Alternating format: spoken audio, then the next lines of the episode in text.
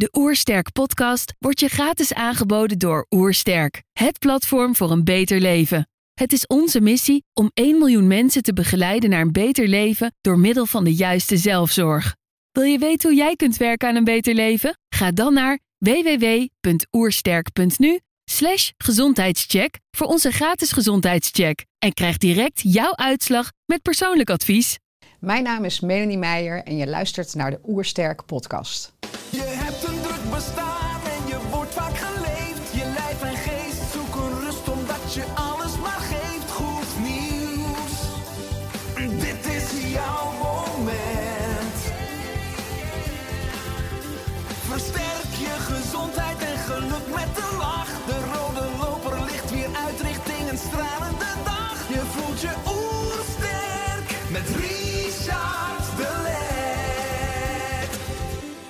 Zijn hier in Heemskerk voor een podcast met Melanie Meijer. Melanie is huisarts en leefstijlarts. Ze opende verleden jaar de eerste leefstijl-huisartspraktijk van Nederland, genaamd Dr. Bloem Huisartspraktijk. Daarnaast heeft ze ook een leefstijlkliniek. Ik ben benieuwd naar haar tips voor een beter leven. Trouwens, geniet je van onze podcast? Abonneer je dan en laat een reactie of review achter. Zo help je ons om het gezondheidsvirus te verspreiden. Let's start! De Oersterk Podcast. Een ontdekkingstocht naar een beter leven. Melanie, welkom. Dank je. Op de website staat Dr. Bloem versterkt je bloeikracht. Wat bedoel je met bloeikracht? Ja, bloeikracht. Ehm nou, het past natuurlijk heel erg bij, bij de bloem, hè? maar goed, daar, daar zal ik zal zo meteen nog wel wat over zeggen. Ehm, bloeikracht is, is waar, wat ik denk dat ieder in zich heeft eh, om tot bloei te komen. Hè? De kracht die, laat maar zeggen, van binnenuit komt om tot bloei te komen. Dus je, je, ja, je intrinsieke binnenste, ja, je kan er van allerlei namen aangeven. Ehm, waar het op neerkomt is dat wat we proberen te doen, is dat te versterken, te ondersteunen. ehm, door mensen te laten inzien dat ze zelf de verantwoordelijkheid kunnen nemen voor hun eigen gezondheid. Dus dat ze die echt in eigen hand hebben.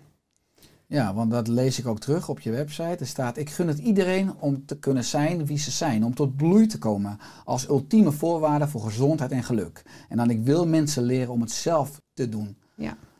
Waar komt die, ja, waar komt die drijfveer vandaan? Ja. Ehm, het is mijn overtuiging dat eh, mensen pas uiteindelijk echt gezond kunnen worden als ze dus naar zichzelf kunnen kijken en overal hun eigen aandeel in kunnen zien. En als ze zich dus echt volledig verantwoordelijk voelen ja, voor hun eigen gezondheid, de dingen die ze doen en de dingen die op hun pad komen. Op het moment dat jij afhankelijk bent van een ander voor hetgeen jou aangaat, zul je wel tot op een zekere hoogte, bijvoorbeeld met een personal coach, zul je wel tot op een zekere hoogte gezondheidswinst krijgen. Maar op het moment dat die coach wegvalt, ja, wat blijft er dan over? Hè? En het is juist zo, zo mooi en zo krachtig als je het vanuit jezelf weet te halen. En wat je dan, het mooie is, het zoekproces daar naartoe, wat je gaat tegenkomen op weg naar die bloeikracht om tot bloei te komen, dat is natuurlijk feitelijk waar het om gaat. Uiteindelijk gaat het in het leven helemaal niet om 10 kilo lichter zijn. Uiteindelijk gaat het om die spirituele groei. En eh, leefstijl zie ik als een soort kompas om, eh, om die groei in je leven te kunnen maken. Want uiteindelijk gaat het niet om die 10 kilo minder, maar het gaat om het oplossen van de, eh, van de dingen die je tegenkomt in jezelf om daar naartoe te komen. Opruimen van je emoties, eh nou ja, et cetera. Dus dat, dat, dat, dat, daar zit nog natuurlijk veel meer achter. Maar dat is, laat maar zeggen, echt die bloeikracht. Ik denk als je dat oplost, als je daar dat, dat ruimte krijgt, ja, dat je dan echt die, die groei kunt maken. Mooi, je zegt twee essentiële dingen. Alle antwoorden zitten in jezelf en niet buiten jezelf. En het gaat vooral om de reis en niet om een eindpunt. Precies. Ja. Dat is mooi, want de afkorting Bloem bedacht je toen je zwanger was hè, van de tweede. Eh, het staat voor beweging, lidmaatschappen, ontspanning, eten en drinken en motieven. En waarom deze vijf? En kun je ze toelichten? Ja. Ehm, nou, feitelijk gezien, dus to- toen ik dat bedacht, nou dat is echt al tien jaar, eh, meer dan tien jaar geleden. ehm, toen was er, was er in Nederland nog niet zo heel erg veel leefstijlgeneeskunde. Maar je zag wel al dat het in Amerika op Harvard allemaal modules al werden aangeboden over die integrative medicine en leefstijlgeneeskunde. En daar hadden ze de drie pijlers, dus voeding, beweging en ontspanning. En eh, ontspanning was dan met name slaap en ademhaling. En ik vond die wel wat tekortschieten.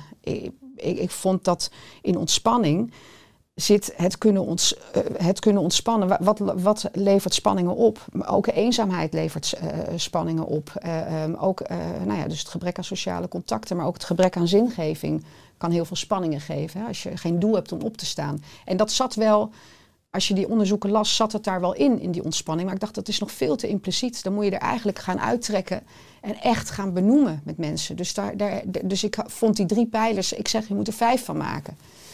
Ehm, maar ja, wat zijn dan goede benamingen? Dus moet je ook wel een beetje zo bij nadenken. Nou, uiteindelijk ben ik dus dan eh, bij het acroniem gekomen.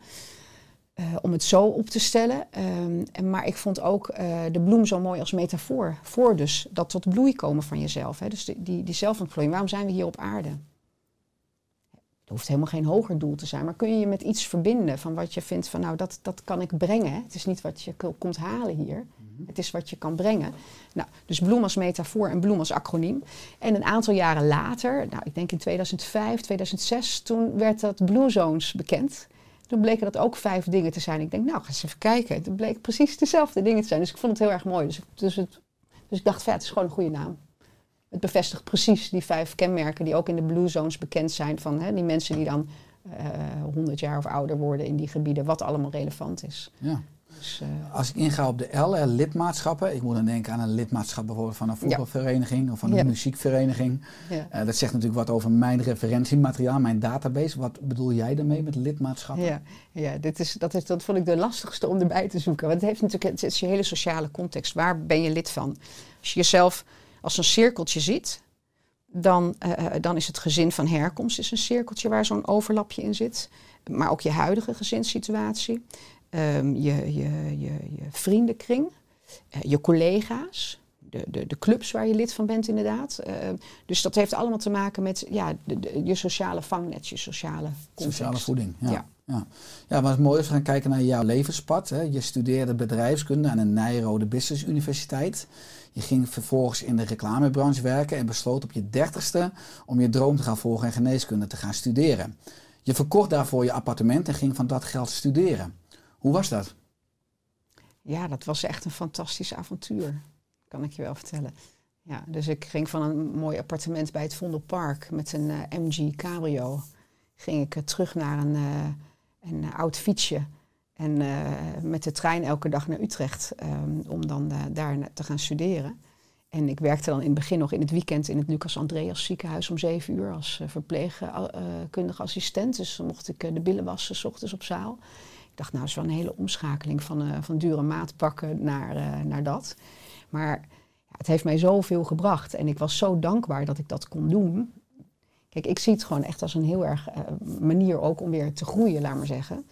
En eh, ehm, mensen zeiden van, goh, kun je dat nou in één keer zo- zo'n grote stap maken? Eh, maar wat ik heb gedaan is het heel klein gemaakt voor mezelf. Dus ik heb eerst gekeken van, word ik überhaupt wel aangenomen? Hè?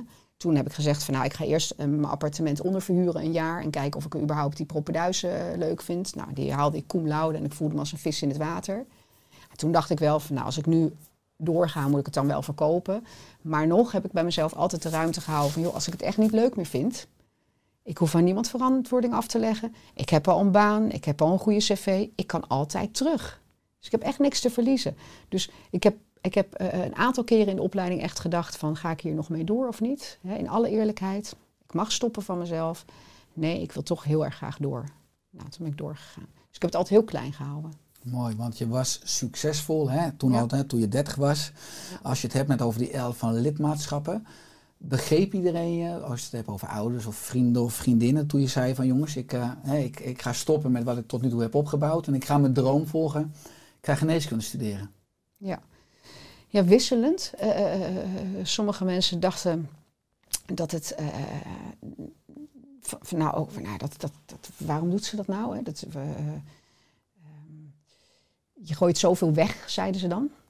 En, Want je weet wat je nu hebt qua zekerheid. Zeg maar, als je ja. echt, echt veel aan zekerheid hecht. dan Ja, maar dat, dat hecht ik wel heel erg. Dus Ja. mensen die mij kennen, die, die wisten wel, weten ook wel dat ik vrij risicomijdend ben. En ik, en ik zou nooit zomaar iets. eh, Ik zou nooit zomaar eh, mijn baan opzeggen zonder dat ik dan al ergens was aangenomen. Weet je, zo. zo en, en, en, en, in één keer kon dat wel. Nou, het was dus niet in één keer. Het was dus allemaal in hele kleine stapjes met elke keer nog een eh, escape, hè, een route in alle openheid. Met nog een achterdeur steeds. Ja, en, eh, eh, maar ook wel heel veel mensen die, die mij ook wel benijden. eh, omdat ze zelf soms zich v- vast voelden zitten in een, in een hypotheek. eh, met al kinderen en een partner.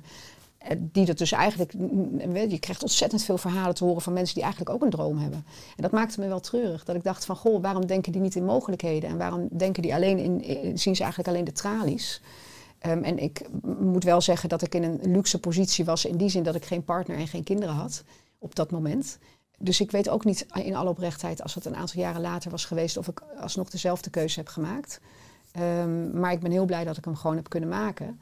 En ehm, ik, geloof, ik geloof dat de ervaringen die je meemaakt zijn ook om te groeien. Dus ik geloof niet dat je, je kan nooit terugvallen, snap je? Want groeien is altijd, is altijd een proces een bepaalde kant op. Dus dus, dus ik, had, ik had letterlijk niks te verliezen, want er viel niks. En, en het mooie was dat eigenlijk uiteindelijk ehm, door in één keer, eh, eh, nou ja, in één keer, doordat eigenlijk van alles wegviel. ehm, ik had geen relatie meer, ik had geen werk meer. Ik had voor, op voorhand gedacht dat me dat ook een, een vorm van paniek zou geven. Maar uiteindelijk he- was dat een, zo'n ongelooflijk bevrijdend gevoel dat ik het nog steeds terug kan halen. Het was een hele diepe ervaring van vrijheid, waarbij ik voelde dat opeens alles opnieuw open ligt. Ja, en dat, is, dat geeft zoveel kracht. En eh, ja, dat vond ik alleen maar heel erg mooi om te ervaren. Dat, ik, dat, ik, dat er ook heel veel angst is weggevallen. Hè. Dus Mooi. uiteindelijk gaat het pad natuurlijk van angst naar vertrouwen voor Ja. iedereen, denk ik. Eh, maar dat was mijn pad van angst naar vertrouwen, absoluut. Mooi, in mijn optiek heb je dan ook wel een soort spirituele ervaring. Hè? Dat Ja, ja. we worden allemaal één keer geboren, maar we Ja. kunnen altijd op ieder moment het leven weer herboren worden. En Dat Absoluut, is een, mo- moment wat je schetst. Hè? Want je hoopt op een gezondere samenleving met minder medicijnen. En eh, vind ik mooi hoe je dat omschrijft. Je wilt de kraan van ongezondheid dichtdraaien. Ja, Waarom? ja. Er zijn ook genoeg artsen, bedoel ik, die zien het ook allemaal, maar die hebben niet de intentie dat ze denken nou, dat zij die kraan Nee. kunnen dichtdraaien. Dus nou ja, dat Ja. is nou helemaal het systeem. Wat kan ik Ja. eraan doen? Maar jij zegt nee, ja. ik spring in de bres. Dit is wat ik voel en maar, wat ik wil. maar, maar dat, dat, dat, dat komt denk ik eh, met hoe, hoe ik ben opgevoed. Ik, ik heb nooit het gevoel gehad van ik of zo, maar ik heb altijd het gevoel gehad van, van wij. Dit is van ons. Wij zijn hier op deze aarde. Al- Als iemand iets weggooit, dan zeg ik: hé, hey, wat doe je nou? Je gooit ook iets weg. Je maakt ook mij een stukje aardevel. Of als iemand anders heel lang het licht laat branden of zo, zeg ik: hé, hey, maar dat is ook mijn elektriciteit. Dus ik voel me heel erg verantwoordelijk. Dus dat heeft er denk ik ook mee te maken. Ehm, maar dat betekent dat ik de. Ik vind de gezondheidszorg laat zo duidelijk zien hoe de maatschappij eh, die kloof tussen arm en rijk zoveel groter wordt. En dat uitzicht met name in die gezondheid, maar er zit onderliggend natuurlijk een veel groter probleem. En wat is, het, wat is denk ik een van de oorzaken? Eh, dus juist die gezondheid, die, die dus eh, die kloof die groter wordt. En eh, ehm, dat ik heb natuurlijk lang in de gevangenissen ook gewerkt. Wat je ziet is dat eh, als, je, als je opgroeit in armoede, dat er, dat er eh, door de leefstijl meer agressie en meer geweld en meer criminaliteit komt. Er zijn meer stressfactoren. Eh, tien jaar geleden werd al uit allerlei wetenschappelijk onderzoek bekend dat ehm, gebrek aan eh, nutriënten en mineralen en omega-3 daadwerkelijk eh, invloed heeft op je gedrag, namelijk meer agressie en meer geweld. Nou, kijk eens in welke samenleving wij leven. Er is een toename van geweld en agressie, individualisering, eenzaamheid. En dat is uiteindelijk, denk ik, ja, we kunnen wel continu blijven dweilen. Dus eh pilletje erin stoppen, meer blauw op straat. Maar niemand doet die kraan dicht. En die kraan dicht doen, dat heeft daadwerkelijk te maken met die kloof tussen, eh, tussen slechte en een goede gezondheid. Hè, tussen lage sociale economische status en hoog. Om die toch weer me- meer bij elkaar te brengen. En dan heb je het helemaal niet over blauw op straat. Maar dan heb je het over preconceptieve zorg bij vrouwen die zwanger willen worden. Zorg daar dan voor dat die hele omega-3 status goed is. Dat ze goed in hun mineralen en nutriënten zitten. En, nou ja, zo dus. En dan denk ik van, nou, dat, dat, dat, dat is mijn ultieme missie om in die gezondheidszorg te proberen eh, eh, op alle doelgroepen te richten. En eh, om het op die manier eh, aan te pakken. En dan denk ik dat je langzaam de kraan gaat dichtdraaien. Ja, want heel veel mensen komen nu in de gezondheidszorg, wat misschien nu meer ziektezorg is. En Mm. dat is het eindstadium van onnatuurlijk leven. Nou, als je Mm. kijkt in de maatschappij, dan gaat het ook zeker wat je schetst tussen die ongelijkheid, tussen Mm. arm en rijk. Mm, Het is een wezenlijk verschil of je opgroeit in veiligheid, in zekerheid, ook qua.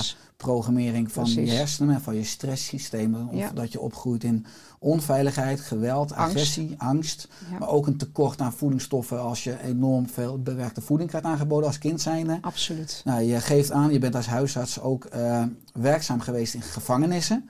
Eh, waar, dat is misschien een aanname van mij, waar je misschien ook veel eerder mensen ziet die uit eh, een basis komen waar meer onveiligheid en onzekerheid was. Maar wat zijn je ervaringen daar in die gevangenissen? Ja.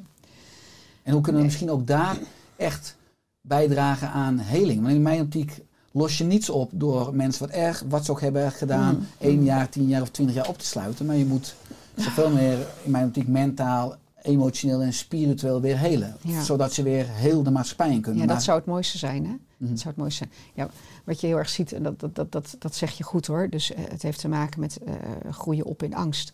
Of gro- groeien op eh, met een basis van vertrouwen. Dat is e- echt essentieel. Ja. En ehm, als je nou gaat kijken naar die gevangenis. ehm, ik ben daar toen vanuit ideologische overwegingen gaan werken. Ik heb inmiddels zeven jaar gewerkt. Eerst twee jaar in de vrouwengevangenis. Toen na vijf jaar in de mannengevangenis, zeg ik dan altijd maar. En ehm, in 2012 was volgens mij het promotieonderzoek al van eh Ab Zaalberg. ehm, over de, wat ze in de gevangeniswezen hadden gedaan. Waarin eh 40 tot 50 procent reductie was in het aantal agressie- en geweldsincidenten binnen in de gevangenis. Tussen de ene groep gevangenen die een multivitamine en omega-3 kreeg. En de andere die een placebo kreeg. Nou, het kostte wel geteld 1 euro per dag voor zo'n gevangene. En daar is, toen, eh, daar is toen lovend over gepraat. Dit moeten we gaan doen, want willen we niet allemaal eh, dat die bewakers het wat rustiger hebben en dat er wat meer eh, eh, vrede heerst op de afdelingen. Ehm, de gevangenis waar ik eh, zat, eh, ehm, is toen ook wel opgesteld dat er een verpleegkundige werd vrijgemaakt om een soort leefstijlspreekuurtje te houden. En eh, daar hebben we, dat is na twee jaar wegbezuinigd. En daar hebben we geprobeerd om nog weer een nieuwe aanvraag voor te doen en opnieuw leven in te blazen. En dat is niet gelukt. Vervolgens heb ik zelf ook geprobeerd om nog supplementen en alles voor te schrijven. Maar er werd ook niet altijd getolereerd, eh, alleen als er echt medische indicatie was. En dat is ook wel een heel lastig dilemma. Van, er wordt overal bezuinigd, dus wat ga je voorschrijven? Maar bovendien, eh, eh, eh, niet iedereen staat ervoor open. En hoe is de situatie als ze zo meteen terugkomen? Kun je wel even drie maanden hier wat suppletie doen. Maar als ze daarna weer op straat belanden, ja, dan gaan ze echt niet als eerste een multivitamine kopen. Want dan komt toch dat pakje check, dat gaat toch echt voor. Dus het is ook wel, ik, ik, heb, ik ben ook wel een beetje dat ik denk van ja, dat is heel erg lastig. En wat ik heb gedaan is een beetje eh, nou ja, wat er mogelijk, mogelijk is binnen zo'n setting. Je kan niet zeggen, ga twee keer in de week vis eten. Want iedereen krijgt een zwarte bak met een kant-en-klaar maaltijd... waarin de groenten helemaal kapot gekookt zijn. Dus daar moeten ze het ook maar mee doen. Maar goed, je mag dus wel elke week... mogen die gevangenen mogen dan een lijst invullen. Dat is dan de winkellijst. Dus als je geld hebt op je bankrekening... kun je daar dan van bestellen. Nou goed, dus, dus ja, dan maak je, daar kun je dan een beetje de verschil in maken. Dus dan, dan maak je wel bijzondere dingen mee. Dus eh, ehm, we hadden een keer iemand die, die zonder medicatie, die steeds suffer werd, van in 30, waarvan we dachten van nou, is die nou aan het gebruiken? Er wordt natuurlijk van alles toch onderling eh, verhandeld. Hè? Thema's pammetjes voor 2 euro en et cetera. Ehm, dus wij, vermoeden eigenlijk dat dat speelde. Nou, totdat we uiteindelijk toch maar een bloedonderzoek zijn gaan doen. En hij bleef bij hoog en bij laag beweren dat hij echt geen medicijnen kocht. Toen bleek hij een nuchtere bloedsuiker van 20 te hebben. Ja, wat, wat ben je aan het doen dan? Wat, wat doe je? Ja, bleek dus dat hij, dat hij voor elke dag van zijn lijst, dat hij zeven dagen, zeven flessen anderhalve liter cola bestelde, omdat hij geen water lustte. Nou ja, dus dat soort dingen. Dus dan, dus, nou ja, eh, eh, op die manier kun je dan wel bijdragen om dan daar wat psycho-educatie op te geven. En die man is eh, goed hersteld en zijn diabetes is niet meer doorontwikkeld, laat maar zeggen. Dus, nou ja. Ja, want dat is een aanname dat iedereen weet dat frisdrank ongezond is. Maar met andere woorden, dit was een man die zei... Ik lust geen water. Er zijn ook mannen die zeggen water is voor de vissen. Hè? Maar in ieder geval, Ja. eh, geef mij maar frisdrank, want dat is lekker. Ja, Terwijl het een hele ook groot effect heeft natuurlijk op je hele stofwisseling. ja, absoluut. Je, heeft, je hebt veel ervaring met SOLK, hè? dat is de afkorting voor somatisch onvoldoende ver- verklaarde lichamelijke klachten. Wat ligt hier meestal onder? Hè? Want dat is natuurlijk interessant als je weer dieper gaat kijken dan het lichaam. Ja. Ja, dus ik vind het eigenlijk een onhandige term. Hè? Want wat zegt dat nou? En wie zegt dat dan? Hè? Want eh, eh, ik, ik, ik hou eigenlijk niet zo van die term. Want ik denk van ja, ik wil altijd wel een verklaring voor hebben. Dus het is misschien dat de ene arts het onvoldoende verklaard vindt en dat daarmee de kous af is. Maar ik vind het toch wel fijn om, eh, zeker in de leefstijlkliniek, om wat verder te graven. En eh, nou, wat ik heel erg veel zie, eh, is prikkelbare darmsyndroom. Dat is officieel ook een, een, een. Onbegrepen moeheid is er ook één. Onbegrepen gewrichtsklachten is er ook één. En, ehm, Maar als aanvulling, er zijn enorm veel artsen. Ik heb ook enorm veel artsen ontmoet toen ik nog een praktijk voor integrale geneeskunde had. Die zeg maar, de overtuiging hadden, als ik niets kan vinden met mijn onderzoeken, bloedonderzoek of Ja. echo en ook, Ja. dan is er niets. ja, Dus dan automatisch al een beetje de projectie, het zit tussen je oren. Of, ja, ja, maar dat is wel jammer. En dat gebeurt nog steeds. En ik kan me zo goed voorstellen dat patiënten zich daar niet altijd bij neerleggen. Ehm, en, eh, en dat is denk ik ook terecht. Dus ik ben, in mijn opleiding heb ik ook al die gesprekstechnieken dan eh, gehoord. Van nou ja, als je dan zo'n solkpatiënt, dan moet je meebewegen. Nou, uiteindelijk moet je dan uitkomen dat het tussen de oren en dat iemand iets aan zijn stresssysteem moet doen. Nou, dat klopt. Moeten we allemaal, want we zitten in een snelkookpan en die stress die loopt langzaam aan op en we hebben het niet eens door. Dus iedereen moet wat aan zijn stresssysteem doen. Maar als we bijvoorbeeld prikkelbare darmsyndroom, daar hebben we nu een heel behandelprogramma voor met tien behandelopties. Ehm, en eh, één daarvan is inderdaad ontspanning, de andere is hypnotherapie, ook bewezen bij prikkelbare darm. Maar ik wil zeker weten dat er geen parasieten of een candida in die darm zit. Ik wil zeker weten dat er geen leaky gut is, een lekkende darm. En ik wil eh, zeker weten dat er geen eh, eh, type 3 allergische reacties op voedingsmiddelen zitten. Zo'n, dat er geen IgG-verhoogde stofjes zitten. Hè, en die zitten met name op de gluten, de zuivel van de kippenei. En, je, en je wil niet weten hoe, hoeveel mensen daarop blijken te reageren. We pikken ze de ene na de andere, pikken ze eruit. Die opknappen als ze dat weg gaan laten. Precies, en als je het hebt over, ik wil erachter komen over deze punten die je heb je het over ontlastingsonderzoek en over bloedonderzoek. Ja. Ja. Klopt. Ja, en ik vind het nog steeds doodzonde dat niet iedereen gewoon in zijn basisverzekering een gewoon een pakketje heeft. Dat hij zelf mag uitzoeken waar hij het aan uitgeeft. En dat die dingen dan de helft van de tijd ook nog eh, zelf betaald moeten worden. Omdat zelfs de meest aanvullende verzekering het niet altijd vergoedt. Maar goed, ik denk als we tien jaar verder zijn dat het er compleet anders eruit ziet. Dat, we, dat mensen dat wel eh, daar zelf de regie over hebben.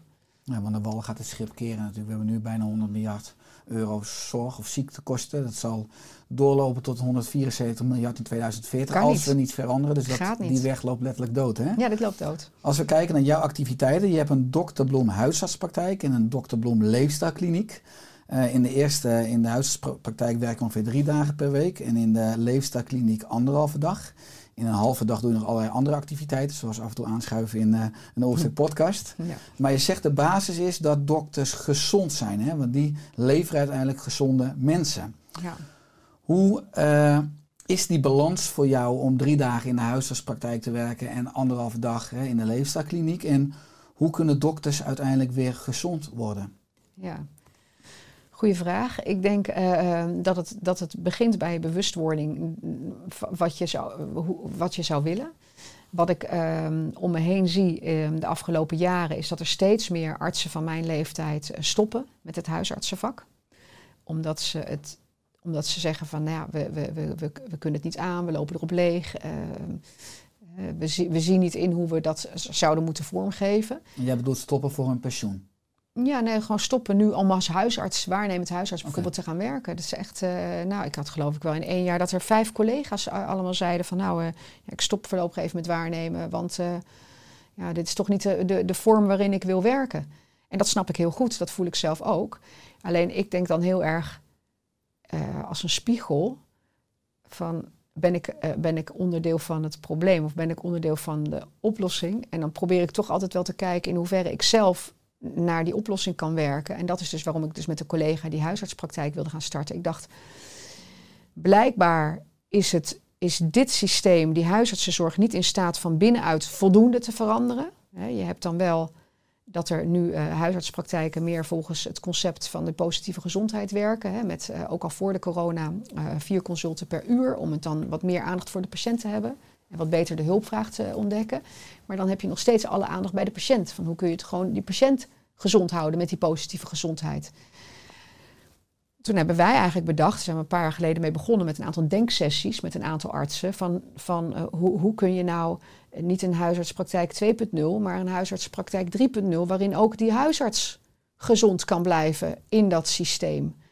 Ehm, en dat concept hebben we verder uitgewerkt. Nou, daar blijkt dat dat, dat te lastig is om binnen huis, bestaande huisartspraktijken zelf dat anders neer te gaan zetten. Dat is te omslachtig, dus misschien ook te log om dat zo te draaien. En toen hebben we gestart, we moeten echt helemaal from scratch beginnen. Het vanaf het begin af aan al ook anders uh, neer gaan zetten. Dus letterlijk met nul patiënten. Elke patiënt die zich bij ons inschrijft, die krijgt een, uh, een bloemleefstijlformulier. Vul, vul, die, die vult zijn inschrijfgegevens in, maar ook zijn hele leefstijl. Dus we hebben van iedereen vanaf het begin af aan een screening. Iedereen heeft gewoon een app. Iedereen kan uh, afspraken maken, zijn dossier inzien, e-consults, nou ja, alles. Het zijn er nu ruim 250 in de huisartspraktijk. Ja. ja. ja. En wat dus, is de uh, doelstelling? Ja, in ieder geval gewoon een normpraktijk. Dus dat is rond de 2000. Ja. Dus, uh, zijn er ook dan juist mensen, neem ik aan, die juist bij jou in de praktijk willen, maar misschien ook juist mensen die dan erachter komen die er misschien dan juist niet willen. Die zeggen van ik wil gewoon een pilletje. Ja, die zullen zich niet zo heel snel inschrijven, denk nee. ik, vermoed ik. Want we hebben heel veel kennismakingsgesprekken. En daar zijn mensen wel benieuwd naar van wat doen jullie dan anders? Nou, wij denken wat meer integraal. We, we, betrekken ook wat vaker die leefstijl erbij. We zullen ook wat vaker balletjes opgooien. Van nou ja, je, we kunnen nu, hè, volgens protocol zouden we nu diclofenac kunnen voorschrijven. Maar heb je al wel eens acupunctuur gedacht? Dus dat is echt jullie onderscheidend vermogen. Precies. Maar nogmaals, de praktijk is een Zutphen. Is in Zutphen. Dus als iemand 100 kilometer daar vandaan uh, woont ja. en nu de podcast luistert, dan heb je pech als je dus niet in de nee, buurt van Dan kun je dus wel naar de leefstijlkliniek komen voor consultatief. Ja. Ja. Uh, um, en dat doen we dan ook wel via, via Zoom of iets dergelijks. Um, maar uh, wellicht dat er in de toekomst meerdere artsen dit aanspreekt. En als wij het concept hebben doorontwikkeld, um, dat er dus meerdere bloemen kunnen ontstaan. Hè. En, jouw vraag is van hoe, hoe, kun je dan als dokter gezond blijven hierin? Want, want dit is natuurlijk naar de patiënt gericht, om, om meer met die leefstijl te denken. Um, maar de, uh, als je gaat kijken, er zijn een aantal dingen. Eén, um, je loopt er als arts bijna op leeg als je continu uh, het protocol moet volgen, wat bijna alleen maar vol staat met geneesmiddelen en verwijzingen. Terwijl je eigenlijk die ruimte, die ruimte zou willen hebben om het ook over iets anders te hebben. Nou, alleen al doordat dat kan, door de gesprekken die ik nu heb met mijn patiënten, nu ik niet meer voor een baas werk, om het zo maar te zeggen, ja, die zijn al zo anders. Die zijn al zoveel meer over de kern en over je spirituele groei. En dat, dat, het, dat er al veel minder energielekkage is gedurende de dag, doordat je anders in zo'n gesprek zit. Ja, en bovendien uh, um, hebben wij uh, wat meer de ruimte om dan af en toe een dubbelconsult aan te bieden. Omdat wij ervan uitgaan dat als mensen echt met die leefstijl ook aan de, aan de slag gaan, dat ze ook minder vaak terug hoeven te komen. Maar zeg je daarmee ook dat het in een traditionele huisartspraktijk dus veel meer een uitdaging is om in balans te blijven, of in balans te komen, of dus in balans te blijven? Als je dus continu, zeg maar, niet die 15 minuten hebt, maar echt nou ja, een wachtkamer hebt, s'morgens met, met, met al 60 mensen ja. op een spreekuur. Ja. Ja, dat denk ik wel. En op het moment dat je natuurlijk gaat haasten of als je gestrest voelt of als je zelf niet, uh, niet lekker in je vel zit, dan sta je natuurlijk ook veel minder open voor signalen van een ander. En dat, dat, dat heeft altijd een wisselwerking. Patiënten voelen dat ook. Patiënten voelen haar fijn van, oh, vorige week was u wat gestrest, hè? Of, uh, dus dat, dat, dat, dat voelen ze aan. Mm-hmm. Dus, um, dus ik denk dat op die manier. En ook uh, als je in een team met, met z'n allen afspreekt van, we, ki we kijken naar elkaar, weet je wel. Van, blijf jij wel zelf in balans, weet je, dat is ook al anders dan dat je door moet, dat je in een soort stramien zit van uh, iedereen gaat maar door. Ja. Er zijn ontzettend veel artsen die echt niet heel erg tevreden zijn met hun werk. Wel medisch inhoudelijk, maar gewoon de vorm waarin het gebeurt, ook in het ziekenhuis. En die, en die draaien wel een protocol, want die hebben wel de hypotheek. En, maar er is, er, is zoveel, zoveel mensen die willen het natuurlijk eigenlijk anders. Maar je, we zitten inmiddels zo vastgedraaid in zo'n systeem dat het heel lastig is om dat te veranderen. Ja. Ik geloof wel dat het kan hoor. Ja. Uh, maar ik, wij hebben nu wel gedacht van nou, we gaan het er gewoon naast zetten. En we gaan gewoon kijken waar, waar dit naartoe groeit. En of het bestaansrecht heeft. En dan uh, ja, kijken of, of dat uh, ook wat kan zijn voor de toekomst. Mooi, het zou mooi zijn als deze bloem natuurlijk letterlijk het ja. nieuwe onkruid wordt en zo zich verspreidt ja. over het land en misschien daarna ja, wie weet. wel over de wereld. Het is natuurlijk ook belangrijk om als uh, dokter, maar iedereen die druk is om zorg te dragen voor je eigen leefstijl, hè, onder andere voor de juiste voeding. Nou, je gaf al aan net in de gevangenis van die man die iedere dag zo'n fles frisdrank dronk, die niet wist dat suiker zo ongezond is en zo verslavend is. En je wordt er continu mee lekker gemaakt, schrijf je ook. En zelf, ik vind het lastig. Hè. Hoe moet ik dat dan met deelnemers ervan afkrijgen? Ze zijn vaak minder opgeleid, suikerverslaafd met een BMI van 30 en insulineresistentie. Ik dacht daarop, hè, is deze grote maatschappelijke groep te redden in de moderne obesogene leefomgeving? Ja. Ja, ik, weet je, mensen moeten echt hun eigen. Het is, het is tweeledig, vind ik. Want ik zeg, de argument is eigenlijk niet het probleem van het individu, maar eigenlijk het probleem van de zorg. En het, het probleem van de maatschappij en ook van de politiek van ons allemaal dus. Ja. Kijk, je, je kent vast wel wat er in de jaren zeventig in Finland wat ze hebben gedaan hè, in die provincie. En dat vind ik nog steeds, vind ik nog steeds zo'n mooi voorbeeld. En, en ik, ik verbaas me echt ehm, oprecht waarom we dat niet doen. Ik snap sommige dingen gewoon namelijk niet. We zijn nog steeds aan het dweilen, maar niemand draait nog steeds die kraan dicht. Dus waarom zit er nog steeds BTW op groente en fruit? Waarom is er geen suikertax? Waarom zitten nog frisdranken en, eh, en, eh, suikerwafels op de middelbare scholen en in de sportkantines? Ik snap het niet. Wat voor signaal geef je nou af? En ondertussen klagen dat de zorg onbetaalbaar wordt. Maar iedereen weet dat 80% van de chronische westerse ziekten... dat die leefstijl gerelateerd zijn. Ik bedoel, ik vind het ook heel lastig. Wat voor signaal geef je je kinderen? Dan zeg ik dat ze gezond moeten eten. En dan zegt mijn zoontje... ja, maar eh, de, de, de suikerwafel eh, voor hetzelfde geld voor één broodje... kan ik twee of drie suikerwafels... nou, dan wil ik li- liever mijn vrienden uitdelen. En snap je, zo gaat het dan. Nou, hij doet dat dan gelukkig niet. Niet meer. Maar, eh, maar zo... Maar Denk dat je is, ja, dat denk ik dan, dat hoop ik dan maar. Maar dat is het signaal wat je natuurlijk afgeeft Ja. als samenleving. Maar ik heb daadwerkelijk gemerkt in die eh, groepen die we draaien met de gecombineerde leefstijlinterventie. ehm, dat dat die, die suikerverslaving is zo hardnekkig. En eh, eh, ehm, we zijn met z'n allen al bijna zo dopaminair gedreven dat we continu prikkels nodig hebben. Dat, dat, we, dat we het niet eens doorhebben hoe we eigenlijk daarmee bezig zijn. Tenzij je er echt heel bewust van wordt. En, en het is aan de ene kant, tuurlijk, eh, niemand staat naast je winkelwagentje en zegt wat je erin moet leggen en wat je in je mond moet stoppen. Dus het is ook echt wel eigen verantwoordelijkheid. En daar hameren we ook maar de hele tijd op. Maar ik vind tegelijkertijd vind ik dat de overheid echt wel heel erg tekort schiet. Als je ziet wat er in Finland is gebeurd. Hè? En waarom moeten we wel allemaal een autogordel dragen? Hè? En, eh, eh, en, en, en, maar de, de, de ongezonde witmeel, suikerproducten worden continu. Hè? Wat is het? 90% wat continu in de aanbieding is, is allemaal gewoon garbage, junk gewoon, wegwezen. voedsel, ja. Ja. dat vind ik dan zo dat ik denk, ik, ja, dat, dat, als je nou echt een grote klapper wil maken, dan ga je daar, dan, dan begin je daarmee. Dan maak je het echt voor de mensen makkelijker. Mensen moeten soms zo, je moet zo'n beroep doen op hun wilskracht om het continu te weerstaan. Dat, en als je ziet in, soms in hoe lastige pakketten mensen zitten, met kinderen die niet lekker gaan, met een, eh, met een man die net de baan heeft verloren. En dan moet ze zelf koken voor zichzelf en de rest. En dan zit ze bij ons in zo'n programma. Ik denk soms, hmm, Met financiële zorgen. eh, financiële zorgen ook. En dan denk ik, ja, ik snap wel dat je het heel moeilijk vindt. Dat je af en toe even een soort uitlaatklep. En tuurlijk kunnen we wel zeggen, ja, als je een uitlaatklep nodig hebt, ga je even een half uurtje wandelen. Maar dat kan soms niet als je een jengelend kind hebt van twee. Dan kan je niet even in je eentje gaan wandelen. Of als je snel moet koken omdat die weer door moet. Of, nou, dus dat, dat, dat zijn die reële worstelingen waar mensen echt tegenaan lopen. En dan denk ik toch van ja, als je het nou wat makkelijker en toegankelijker zou maken, dat zou een hoop schelen. Ja, Maar goed, ik denk dat het over tien jaar wel anders is. Dus we zitten nu nog een soort eh, overgangssituatie. Ehm, maar eh, nou ja, lastig is het wel, vind ik. ja ik, ik hoop oprecht met jou. Jij begon voor mij ook in 2012 met je praktijk. Ja, Ik begon in 2012 met Oersterk. Inmiddels is bijna tien jaar, maar er is nog weinig veranderd. Als je kijkt naar de inhoud van Oersterk, waar ik in 2012 Ja. al over schreef. ja, En de mens is nou helemaal een weerloze zoete kou. We hebben een maatschappelijke omgeving met bewerkte, goedkope suikers en koolhydraten. Die op iedere straathoek hè, te verkrijgen zijn. Dus mensen moeten hun eetgewoontes aanpassen. Hè, oude gewoontes doorbreken eigenlijk. Nou, jij zegt ook hè, dat meestal mensen weer terugvallen na twee jaar. En dan heb je het over twee zaken die essentieel zijn. Kun je die twee zaken toelichten? ja. Ja, dat, eh, eh, dus wat, wat, we, wat we weten vanuit de literatuur, wat we ook wel merken in de, in de groepen die we draaien, is dat het belangrijk is dat eh, als je echt naar zo'n gedragsverandering gaat, je wil natuurlijk een duurzame gedragsverandering, dat, eh, dat eh, het belangrijk is om dat in een groep samen te doen met, met, je, met, je, met je peers, hè, met, met gelijkgestemden. Dat je, en dat je daar ook makkelijker dan iets van aanneemt dan van een dokter bij wijze van spreken of een, of een slanke leefstijlcoach die ervoor heeft gestudeerd.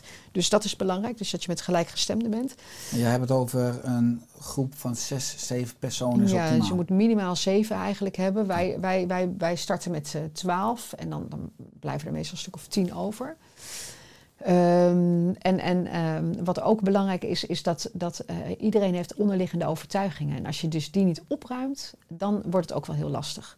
Want dan, dan ga je iets doen eh, omdat je het voor een ander doet of omdat je het hebt aangeleerd. Maar als jij ergens in je achterhoofd hebt van ja, iedereen in mijn familie is dik en het lukt me toch niet om vol te houden, want ik ben al, eh, ik ben al zes keer mislukt. Hield ik het elke keer maar een paar maanden vol. Als, je, als dat echt je overtuiging is onderliggend, dan wordt het heel erg lastig om na die twee jaar het nog steeds vol te houden. Ja. Dus er is maar, hè, eh, er is maar een klein deel.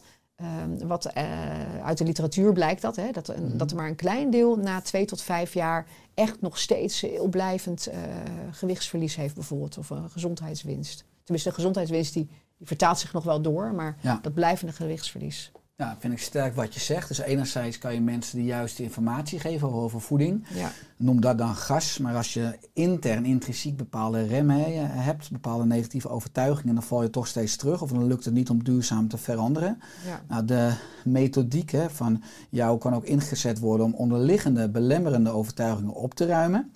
Hè, eh, je geeft aan, dat vond ik een mooie vergelijking, dat we s'avonds poetsen in de badkamer onze tanden, maar dat we ook onze binnenste eigenlijk schoon moeten poetsen. Welke overtuigingen kom je veel tegen? Ja. ja, wat de overtuigingen zijn meestal, die komen meestal uit die vroege jeugd. Hè. Dus daar hebben we het inderdaad van groeien op in vertrouwen, hè, in liefde en vertrouwen, of groeien op in angst. Ehm, maar wat, wat, wat de meeste mensen hebben wel een overtuiging hoor. En, en die overtuiging is vaak, ik ben niet goed genoeg. Of eh, ik doe er niet toe. Ik, eh, ik, ik, ik hoef er, ik hoef er niet te zijn. Dat, dat is meestal een overtuiging die daar aan ten grondslag ligt. Maar het zijn wel overtuigingen die ook gelijk eh, het bestaansrecht raken. Het zijn, Ja. het zijn, het zijn hele, eh, nou, het zijn geen oppervlakkige overtuigingen. De impact daarvan is natuurlijk op, op alles in je dagelijks functioneren. Als dat continu in je onderbewustzijn resoneert, dan is het logisch zeg maar, dat het lichaam bepaalde crisissignalen gaat afgeven om uiteindelijk ook als kans om dat weer in balans te brengen. Precies. En wat je vaak ziet is dat eh, eh, mensen die dat eh, sterk hebben meegemaakt als kind, die hebben vaak ook een aantal vroegjeugdelijke ervaringen gehad die dat bekrachtigen. Waardoor ze ook niet meer in zo'n veilige situatie zijn of niet meer in vertrouwen, maar meer inderdaad in angst. Wat kan er nu gebeuren? Is het wel waar wat diegene zegt? En dat zijn vaak kinderen die best alert, hyperalert zijn. En als jij zo opgroeit, dan kun je je voorstellen dat, dat, hyper, dat je hyperalerte mensen gaat krijgen. Dat die heel gevoelig zijn eh, voor allerlei eh, prikkels. Maar ook een continu wat verhoogd arousal eh, patroon hebben. Continu wat verhoogde stress. En we weten ook dat, dat uit, onderzoek dat mensen die, laat maar zeggen, zo op, opgroeien, ehm, dat die eh, wat minder vertrouwen in de medemens hebben. eh, ook wat, wat angstiger zijn om nieuwe situaties aan te gaan. Ook wat minder zelfvertrouwen hebben. Eh, maar daardoor, dat is ook een hele belangrijke factor voor het, voor het blijven bestaan van eenzaamheid. Dus op het moment dat er dan bijvoorbeeld een partner wegvalt, iemand is 50 of 60 en de partner valt weg, dan is zo iemand die al een beetje zo angstig is, die zal niet zo snel iets nieuws gaan beginnen of iets nieuws. eh, Want ja, die heeft zo'n overtuiging van ja, het komt niet goed. En dan kun je in zo'n eenzaamheid blijven hangen. Ehm, en eh, eh, je kunt je voorstellen dat als je dus mensen hebt met solkklachten, met veel onbegrepen klachten, dat daar ook vaak ook dit soort dingen ook meespelen. En daarom zeg ik ook, leefstijl is een kompas voor je groei. Ehm, het is heel interessant om nou te kijken wat jou nou blokkeert. En het mooie is dat afge- deze week heb ik twee gesprekken gevoerd met mensen. De ene, was, eh, de ene vrouw was 60, de andere man was 72. Allebei hypertensie, Hoog bloeddruk? ah, hoge bloeddruk. Allebei eh, al ingesteld door de andere huisarts. Bij mij voor controle, net ingeschreven bij mij, willen wat aan hun leefstijl doen omdat ze hoge bloeddruk hebben. Bij de ene dame had ik alvast een pilletje erbij, want die was wel erg hoog. Bij die andere man wilde ik nog even wachten. Ik zie ze voor een volgend gesprek terug en we hebben het over stress. Die ene dame zegt, begint opeens te huilen, want haar partner triggert continu iets alsof ze nog in de couveuse ligt. Dus ik doorvragen, blijkt ze als kind in de couveuse te hebben gelegen maandenlang. maar echt heel emotioneel. Dus die, al die emoties heeft ze vastgezet. Dus die draagt ze al 60 jaar met zich mee. Dus je hebt in de basis al een gebrek gehad aan huid-huid contact, aan mama. Precies. Ja. Plus dat het nu nog steeds verdriet oplevert. Dus, dus dat resoneert al 60 jaar in het systeem. En ze zit dus in een relatie waarbij hij continu dat triggert. Nou, die bloeddruk kregen we dus gek genoeg niet onder controle. En nu snap ik dus opeens waarom. Bij die man hetzelfde. De man vertelde dat, eh, dat hij het idee had dat, eh, dat zijn moeder was plotseling overleden. Maar hij had haar nog zoveel willen vragen. En die schoot op dat moment ook vol. Ik denk, jeetje, joh, wanneer was dat dan? In 1983. Jee. Dan heb ik dus bij beide mensen gaan we nu op een hele. Dus ik ga nu iets heel anders doen met ze. Ik ga het, kijken of ze bij mij of ergens anders waar ze dan terecht kunnen om daar naar te kijken. Ik zeg, maar dan komt het denk ik wel goed met die bloeddruk. Laten we het dan daarna eens even kijken of gedurende het proces kijken wat er met die bloeddruk gebeurt. En dan denk ik van ja, zo, zo, zo mooi is dat als je daar ook ruimte voor kan geven. En dan gaat het dan in je leefstijl om die bloeddruk. Of is die hoge bloeddruk een signaal van iets wat je eigenlijk nog, nog steeds wil opruimen? Mooi, mooi wat je schetst. Dat deze beide mensen een traumatische inslag hebben gehad. En eigenlijk een wond in het emotionele oorbrein. En dat wil geheeld worden. Dat wil dus daar is erkend worden. Dat wil gevoeld worden. Precies. En, en, en dus die hoge bloeddruk is een signaal. Ja, is precies. Die je daar naartoe leidt om het op te lossen, om te helen. Ja, want als we het hebben over ook kijk, dit stukje bijna holistische geneeskunde. Je hebt ook Chin en Qigong uh, instructeur ben je. Uh, je bent behandelaar uh, Emotional Freedom, EFT. dat is ook eigenlijk een ja, energetische Oosterse geneeskunde. Ik heb mezelf daar ook in verdiept afgelopen jaren. wat heeft dit je gebracht? Nou, voor mij was het wel, heeft me ontzettend veel gebracht. Ja, ik denk echt dat ik een ander mens ben daardoor. Ik ben in 2000, uh, ik mediteerde altijd al. Ik ben opgegroeid met meditatie eigenlijk. Mijn vader was uh, yogaleraar. Maar ik kon nooit een vorm vinden om, zeker toen ik jong was, om lang stil te zitten. Dus dat was altijd een beetje mijn ding. Maar ehm, dus de, in 2003 ben ik tijdens mijn geneeskundestudie met Chineng Qigong in aanraking gekomen met een workshop. En dat is de meditatie in beweging. Ja, en dat viel bij mij gelijk alle kwartjes op een plaats. Dat resoneerde zo dat, het, dat, dat heb ik er nooit meer losgelaten. Ik heb ook nooit een dag overgeslagen. Ik heb het altijd gewoon sindsdien gedaan. Dat zie je in Japan en China ook s'morgens in parken. Ja. Dat honderden mensen... Ja, dat hele langzame bewegingen. Dat, is dan, de, dat is dan meestal tai chi wat ze doen. Dat is gebaseerd op, uh, op de vechtkunst. Uh, en uh, Chineng Qigong is dan ontwikkeld, doorontwikkeld door een Chinees en Westers opgeleid arts, Dr. Pang Ming. En uh, dat zijn die langzame bewegingen die eigenlijk je hele energiebanen gewoon helemaal openzetten. Ja, dat heeft bij mij zo'n heftig effect gehad. Uh, daardoor vloeien ook al emoties af. Je, je bent continu, het is body-mind, dus je bent met je lichaam bezig, maar je verbindt je geest continu met het universum en vervolgens met, met alle cellen binnenin. En je legt continu die verbinding. Nou, zo ben ik opgegroeid als meisje want dat leerde mijn vader al om, mij, om, om me te, te, leren denken naar de oneindigheid van het universum. Dus het voelde heel erg vertrouwd en heel erg als thuiskomen om op die manier mijn oefeningen te doen. Dus, nou ja, dus dat, dat, dat, dat, uh, ik doe het elke ochtend, doe ik elke avond. Het, is, het kan niet meer zonder, laat maar zeggen. Ik mis echt iets als ik dat niet doe. Um, en ik ben van mijn migraine en van mijn lage, chronische lage rugpijn afgekomen. Dus dat is, uh, was ook erg fijn dat ik na, na in ieder geval tiental jaren migraine dat ik daar uh, helemaal vanaf ben. En dat EFT, uh, ja, dat is, dat is van binnen het schoonpoetsen. Echt nog uh, letterlijk emoties die in de weg zitten. Eh, dat, je die, dat je daar zicht op krijgt en dat je die echt voelt hoe die afvloeien als je dan die techniek bij jezelf toepast. Ja, dat zijn bepaalde punten waar je op tapt. Ja, van ja, die acupressuurpunten. Ja. ja, en, en dan, dan, ja, dan voel je het als het ware weg. ja, ik zeg altijd maar, het is een soort EMDR, maar dan wat je zelf kan doen. Dus, uh, Waar je zelf grip en controle op hebt, ja. Ja, precies. Als je het hebt over uh, deze techniek, hè, waarom staan Oost en West, materie en energie nog zo'n stuk uit elkaar? Ja, bij mij staan ze niet uit elkaar. Bij mij is het gewoon één ding. Het resoneert alleen op een ander, uh, ander level. Dus ik vind dat heel moeilijk om daar gescheiden over te denken. Want ja, ik zie dat eigenlijk als één. Alleen mensen, mensen staan met de ruggen tegen elkaar. Ze kijken de verkeerde kant op. Ze moeten even allebei draaien. Maar als je dan kijkt, bedoel ook uit het reguliere geneeskundesysteem waarin we beide zijn opgeleid, dan, uh, nou, dat is misschien ook een aanname, maar meer dan de helft zou niet per se openstaan voor zeg die hele Oosterse complementaire energetische benaderingen. Nee, maar Omdat het, het niet eh, zichtbaar is. Nee, dat klopt. Maar het is ook echt een beetje een smagzaggen. Want als jij op het moment dat jij het leuk vindt om acute geneeskunde te doen, eh, weet je, dat hebben we ook van harte nodig. Dus ik ben heel erg blij dat niet iedereen eh, eh, zo denkt. Want ja, eh, als hier iemand wel een slagaderlijke bloeding heeft, dan kunnen we het nog steeds wel over trauma in het verleden hebben. Maar volgens mij moeten we dat even uitstellen dan. Kunnen we Snap je? acupressuurpunten tappen, maar eh, ik heb zo'n pijn in mijn rug, ik heb zo'n pijn in mijn rug. We moeten even gehecht worden, denk ik. Ja. Snap je? Dus we hebben het allebei nodig. Dus, dus eh, het, mag er allebei zijn. Maar het mag er ook inderdaad allebei zijn. En, en, en, en, eh, dus, dus ik zou, zou het heel fijn vinden als, als niet een deel van de artsen zegt dat het er niet mag zijn. Maar laten ze nou zien wat de waarde ervan is om ook op een andere manier te kijken op het juiste moment in de juiste context. Ja, mooi, want ik vind het West is natuurlijk heel erg eerst zien dan geloven. En Oost vind ik zo mooi krachtig, eerst geloven dan zien. Ik denk dat Mhm. beide waar is, maar dat heeft Ja. ook mee te maken of je het gelooft of niet. Hè? Ja. Eh, als we het hebben over preventie, je had het net al over, eh, over je zoon, hè, met die uitdagingen ook qua voeding op de middelbare school. Eh, je aandachtsgebied is ook leefstijl bij kinderen. Hoe kunnen we onze kinderen gezonder laten leven? Eten, maar laten leven is eigenlijk nog breder. Ja, ja ik denk dat, dat daar een paar dingen essentieel zijn. Eh, als ik dus zie wat de uitkomsten zijn in de maatschappij en wat ik heb gezien in de gevangenis en eenzaamheid, eenzaamheid onder jongeren, hè, met dat in, in vertrouwen opgroeien of in angst eh, opgroeien.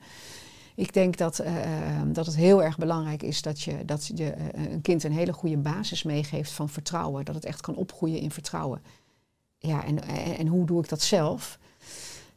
Is eh, eh, door eigenlijk van, van, van, van jong af aan al het eigen aandeel ergens in te laten zien. Dus dat ze, want dan, dan leren ze dus op hunzelf te reflecteren, wat een enorme toegevoegde waarde is, wat ze niet op school leren.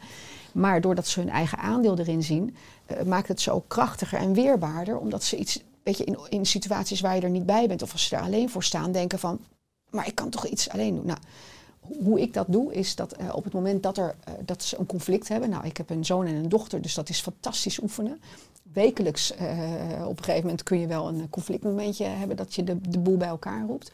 Krijgen ze allebei, mogen ze hun verhaal doen en mogen ze elkaar niet interruperen. Vervolgens mogen ze allebei op elkaar reageren, ook één keer.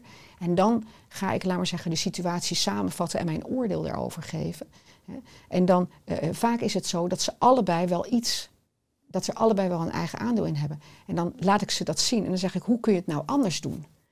En dan heb ik ze geleerd, er zijn drie manieren om met een situatie om te gaan. En die heb ik er echt opgeschreven op het, op het, op het, op het krijtbord. Ik hang aan je lippen, kom maar op. Ja, dus die drie manieren zijn, nou, je kunt reageren. Nou, toen ze klein waren heb ik dan een soort rollenspelletje gedaan. Niet doen, haal op, je moet nu stoppen. Dat is reageren. Je kunt eh, en dan ben je dus een pannenkoek hè, in onze termen. Dus dan is het die stroop die dan in die pannenkoek. Dus je trekt het je heel erg aan. Dus dan ben je aan het pannenkoeken. Je kunt negeren. Talk to the hand, not to the face. Weet je. Je, je reageert totaal niet. Je, eh, helemaal niets. Dan ben je de bagel. Dan gaat gewoon de stroop er totaal vanaf. Mhm. Ja? Dus ik was vroeger een ultieme bagel, zeg ik altijd maar. Want bij mij is een keertje een, zelfs een rauw ei met mijn, met mijn eh, weekend eh, naast me, door, langs mijn hoofd gesuist. En ik reageerde nog steeds niet. En iedereen droop af, want met mij was er gewoon geen lol te beleven, snap je? Dus ik was de ultieme bagel. Eh, of je kunt omkeren. Nou, een omkeren dat is een leuke eh, eh, eh, iets terug doen. Nou, ik bedacht dat altijd pas 's avonds in bed. Dit had ik moeten zeggen. Ehm, eh, maar dat, dat vinden we dan het leukste als we dan met z'n drieën zitten te doen. Hoe zou je het ook kunnen doen als je het gaat omkeren? Nou, wat je zegt bij jezelf, dat is natuurlijk een hele makkelijke. Of van, heb je jezelf al gezien deze ochtend? Hè, als je een opmerking krijgt over je kleren. Nou, dus dat, dat, dat, dat vinden ze, daar worden ze dan steeds creatiever in om tegen elkaar dan te zeggen... ja, ik weet een leuke omkering, nou, et cetera. Een stukje weerbaarheid. Precies. En eh, eh, eh, nou, dat, dat, dat, dat is dus wa- wat we een, een beetje doen. En dan het mooie is dat je dus dan zo'n momentje van een conflict. Dat, dat, dat eindigt dus nooit in straf voor de een of straf voor de ander. Maar dat eindigt dus altijd in een heel leuk moment. Waarin we dus bedenken hoe het ook anders had kunnen doen. En wanneer ze, dat ze ook echt zien. ze, Ja, ja, ik had inderdaad beter kunnen omkeren. Of ja, ik had het beter kunnen negeren. Want als ik die deur dicht had gehouden en mijn broer niet had binnengelaten. was er helemaal niks gebeurd. Want dan, ja, dat druipt hij gewoon af. Dus, en het, en het mooie is dus dat op een gegeven moment mijn dochter vertelde van ja, die en die, die zei dat op het schoolplein toen we daar gingen spelen. En ze klonk heel erg eh, vol daarvan. Ik zeg, ach, wat heb je gedaan? Niets. Ik heb gewoon omgedraaid en ben weggelopen hoor. Dan denk ik van, oh ja, mooi. Weet je. oké, nou een bagel. Ja, goed.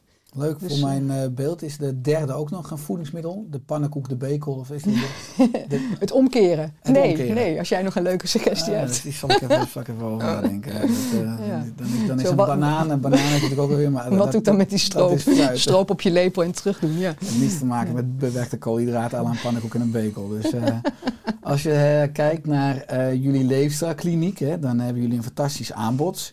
Jullie richten je met name op drie pijlers. Buikpijn de baas, gewicht de baas en leefstijl de baas. Eh, kun je deze drie pijlers kort toelichten? Ja, buikpijnenbasis is dus ons programma voor spijsverteringsklachten. Wat je onder andere net schetste met hypnotherapie. Ja, precies. Dus daar, hebben we, daar, daar, daar kom je een traject van, is er wel voldoende diagnostiek gedaan, et cetera. Ehm, eh, op het moment dat er, dat er overeenstemming is van nou, het is een prikkelbare darm, eh, we hebben een aantal dingen uitgesloten wat er meespeelt, kun je uit tien behandelopties kiezen, waarvan we gewoon weten dat het een effect heeft op, eh, op mensen. En dan kies je er drie uit.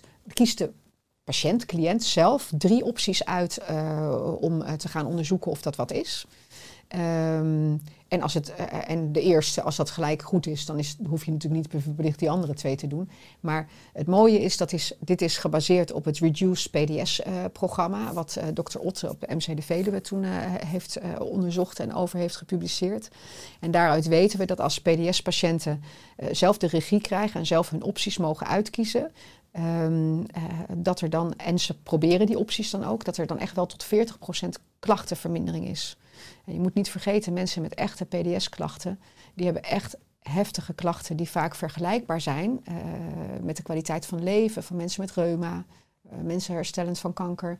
Dus het is gewoon vreselijk als je, als je, als je, als je niet durft te wandelen lang omdat je eh, je ontlasting niet goed kan ophouden plotseling. Hè? Of, dus dat is echt vervelend. Beperkt enorm.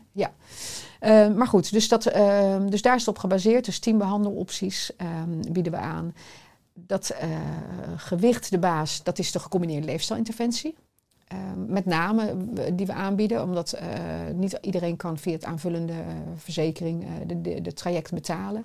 Sinds 2019 natuurlijk opgenomen het pakket. Ja, ja, ja. precies. En um, daarbij um, draaien we nu elf groepen van dus ongeveer twaalf mensen die dus twee jaar lang bezig gaan met, met hun leefstijl.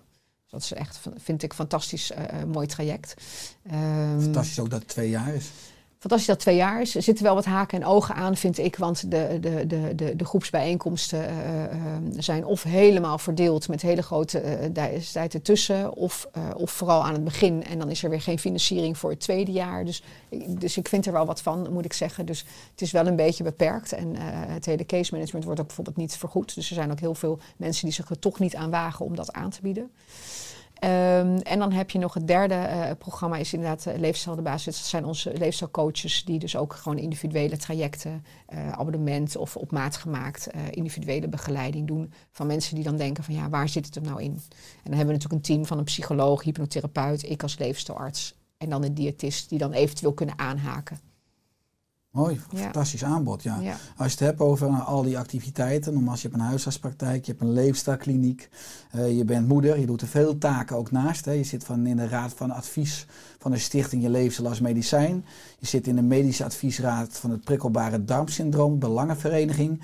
Je bent bestuurslid van de huisartsadviesgroep Seksuele Gezondheid. Je bent oprichter en bestuurslid van de stichting Kind en Seksualiteit. Als je kijkt naar al die taken die je hebt, wat drijft jou? Um, ja, nee, dat, dat, is toch denk ik die, die, die, die uh, ja, passie om de wereld, de samenleving wat gezonder te maken. En ik, ik, ik denk dat ik, dat ik dus zie hoe dat kan als je, uh, als je gezond leeft. Um, als je, dat, dan zul je vanzelf minder agressie, minder geweld uh, hebben. Dus ik denk dat ik echt kan bijdragen aan, uh, als maar genoeg mensen dat doen, hè, mm-hmm. dan dat je die kraan langzaamaan kunt dichtdraaien. Um, en ik geloof ook echt dat als mensen zich meer verbinden met hun lijf en met elkaar en met de natuur, dat dan vanzelf de daden hè, de, de, ook uh, meer congruent zullen zijn ik stel me wel eens voor, hè, als ik dan mezelf de vraag stel: ben je onderdeel van het probleem of ben je onderdeel van de oplossing? Hoe, hoe, hoe, hoe moet dat voor iemand zijn die bij een tabaksfabrikant werkt? Wat voor, hoe, is dat dan? Hè? Dus, Dus, dus, maar ik denk, als je, als je, ehm, als je leeft in verbinding met, met het universum, met de, met de natuur, met elkaar, dan, dan gaat, het, gaat het meer vanzelf dat je de goede keuzes maakt. Nou ja, en ik hoop daar dus, dus aan bij te dragen. En ik, en ik, hoop dus voor, eh, ik hoop dus ook met die huisartspraktijk dat het, dat dat inderdaad een vorm kan krijgen waarin en de zorgverlener eh, en de zorgvrager eh, eh, op een fijne manier kunnen werken met, met zicht op hun eigen balans ook. En dat dat in- ook als inspiratie kan bieden met hoe het dan ook wel kan. Eh, in plaats van nu dat iedereen eh, eigenlijk overspannen is in de zorg. En dat als je gaat kijken hoeveel mensen ermee willen stoppen eigenlijk of overwegen te stoppen. Ja, dat is ook schrikbarend. Dat je maar hoopt dat ze het niet allemaal tegelijk doen. Want dan hebben we een nog groter probleem. Mhm. Eh, dus ja, weet je, het, het systeem, hoe noem je dat, blaast zichzelf op. Ja. Dus, nou ja, dus dat is mijn, dus mijn drijfveer is van, ik, ik, ik zie echt wel dat het anders kan. En ik denk ook wel te weten hoe het ongeveer ook kan. En daar wil ik dan graag aan bijdragen. Mooi, ja, alles heeft natuurlijk in de basis te maken met je eigen balans, voordat je ook voor de balans van de ander en de balans van de natuur kunt zorgen. Specifiek eh, ingaan op de laatste. Ik zei net, je bent oprichter en bestuurslid van de Stichting Kind en Seksualiteit. Nou, over de laatste lees ik, hè, de Stichting Kind en Seksualiteit zet zich in om alle ouders te informeren over normaal seksueel gedrag van kinderen tussen 0 en 12 jaar zodat ze weten wat de spelregels zijn bij seksueel spel en herkennen welk gedrag bij welke leeftijdsfase normaal is. Ook trainen we de trainers die workshops op dit gebied geven en oude avonden organiseren. Zodat straks heel Nederland weet dat veel normaal is, kinderen de baas zijn over hun eigen lijf en normale woorden hebben voor hun geslachtsdeel. En waarom heb je deze stichting opgezet? Ja. Het is eigenlijk begonnen met eh, ehm, dat ik eh, tijdens mijn opleiding met Iva Bikanic eh, meeschreef aan een artikel in haar promotieonderzoek. Iva Bikanic is, ehm, is de coördinator van het kind- en jeugd, jeugdkinders psychotraumacentrum hè, van het WKZ, Wilhelmina Kinderziekenhuis in Utrecht. En ehm, zij doet onderzoek naar kinderen die mogelijk seksueel misbruikt zijn. En kinderen die onder de, ja, onder de vijf zijn, die, die, die, die, die kun je wat minder echt bevragen en interviewen. Hè? Dus dat is meer het aflezen van reacties op. Ehm, en zij ehm, eh, vertelde mij dat er eigenlijk helemaal geen boekjes waren voor jonge kind, eh, kinderen onder de 5, 6, waar de geslachtsdelen in, in stonden op een anatomische eh, correcte manier. En ehm, toen hebben we dus eh, marktonderzoek gedaan. Nou, die bleken inderdaad niet te bestaan. En ik had ondertussen een opleiding gedaan schrijven voor kinderen ehm, tijdens mijn sabbatical. Dus ik zei van nou, als die boekjes er moeten komen, dan moeten we ze zelf maken. Mhm. Dus we hebben drie boekjes geschreven, eh, weerbaarheidsboekjes voor het jonge kind. En het eerste boekje was In je blootje. En daar stonden dus inderdaad een jongetje en een meisje ook gewoon in een verhaaltje. Ze gaan douchen, staan ze in hun blootje. Nou, dat is dus eh, blijkbaar was dat baanbrekend en taboe doorbrekend. Want voor die leeftijdscategorie was er nergens een boekje met een, een blote piemel en een spleetje of vagina in afgebeeld. Over welk jaar praten we dan? Dan praten we, dat boekje is uitgekomen in 2008. Oké. ja. En eh, eh, ehm, wat wij toen merkten, is toen wij de ben- benamingen in dat boekje zetten, we wilden natuurlijk de correcte eh, benaming, dat piemel voor een jongetje nog wel gangbaar was, maar dat ouders van alles bedachten voor, eh, voor het spleetje of voor eh, vagina. En dat, dat, dat, dat ons eigen marktonderzoek in onze kring met, vroeg het aan 30 ouders en daar kwamen 27 verschillende benamingen uit. Dachten van, Voorbeelden. wat hebben, ja, voorbillen, nou wat was het al, vagijntje. Eh, eh, nou, de mensen hadden echt rare benamingen. Eh, wat was het ook alweer? Vlek had iemand. eh, en nou ja, wat we dachten, wat, wat is dit nou iets raars? Als, je, als jij als kind daar geen woorden voor hebt, hoe, hoe kun je daar ooit dan over praten? Stel dat er dan iets mee gebeurt of iemand heeft eraan gezeten. Kinderen voelen haarfijn uit als dat niet wordt benoemd. Dat ze er niet dan wordt die drempel om er iets over te zeggen wordt dan nog groter. Dus in het kader van hoe maak je je kind weerbaar, moeten ze in ieder geval gewoon de goede benamingen weten. Dus dat werd echt onze missie. Ehm, dus wat is eh, de keuze die jullie gemaakt hebben qua goede benaming? Ja, toen was dat eh, spleetje vagina plasser voor de, mei, eh, voor de meiden. En voor de meisjes, hè, dus we Mhm. hebben het over jongen. En voor de jongen was het dus piemel, penis, plasser. En dat zijn ook, de, er was toen ook promotieonderzoek naar geweest. En dat waren ook de drie gangbare benamingen. En we hebben dat toen ook nog bij de kinderartsen neergelegd van het WKZ. Dat is inderdaad ook de gangbaar. Dus die, die, die konden we echt goed gebruiken ook. Was de uitgever ook mee eens. Inmiddels zie je dat er wel steeds meer naar dat er vulva. Hè, Ellen Laan heeft daar ook een pleidooi voor gemaakt dat het dan vulva eh, is voor, voor eh, meisjes, meiden. Dus je ziet dat dat wel wat aan het verschuiven is. Maar goed, wij, wij stoten dus echt wel op iets waarvan we dachten van nou, wat hebben we nou? Dat wordt het gewoon helemaal niet benoemd of raar benoemd. Dus voordat we het wisten waren we eh, door die boekjes met de ouderavonden bezig en voorlichtingsmateriaal. En eh, we dachten van nou, we moeten gewoon een website, want hier hebben we helemaal geen tijd voor. Eh, we moeten een website maken waar alle informatie op staat. Ja, hoe gaan we dat financieren? Nou, dan maken we een stichting. En nou ja, zo is het eigenlijk gegroeid. Ja. En Ik ben daar al wel, wel steeds meer, eh, wat, wat meer aan de, op de achtergrond aan het eh, raken. Omdat ik sinds ik dan huisarts ben ook dan in die eh sekshacht zit. Hè, die huisartsadviesgroep eh, seksuele gezondheid. Ook voor het hele kind- en jeugddeel. Ehm, dus nou ja, dan proberen we er toch wat... echt in het kader van het zelfvertrouwen voor het kind, voor die weerbaarheid van het kind, eh, ja, vinden we dat wel heel belangrijk om daar nog steeds aandacht voor te vragen. Ja, mooi hoe jullie dat ook voor in, eigenlijk vanuit het maatschappelijke onderbewustzijn weer bewust gemaakt hebben. Want het is Ja. natuurlijk een essentieel belangrijk onderwerp. Zeker ook het seksuele gezondheid. En Ja, laten we daar ook goed vanuit de basis al mee starten. Absoluut. En gewoon het ja. al kaderen als iets wat gewoon normaal is. Tenminste, gewoon normaal. geslachtsdelen zijn normaal. Ja. Het is gewoon normaal, het hoort gewoon bij je lijf. En eh, je gaat je kind eh, leer je toch ook, dit zijn je oren, dat zijn je neus. Je gaat ook niet zeggen, ja, dit, is- je kunt het luisterdoosjes noemen of flapjes. Of, nee, het Nee. is gewoon één woord. Dus waarom heb je hier niet één woord voor?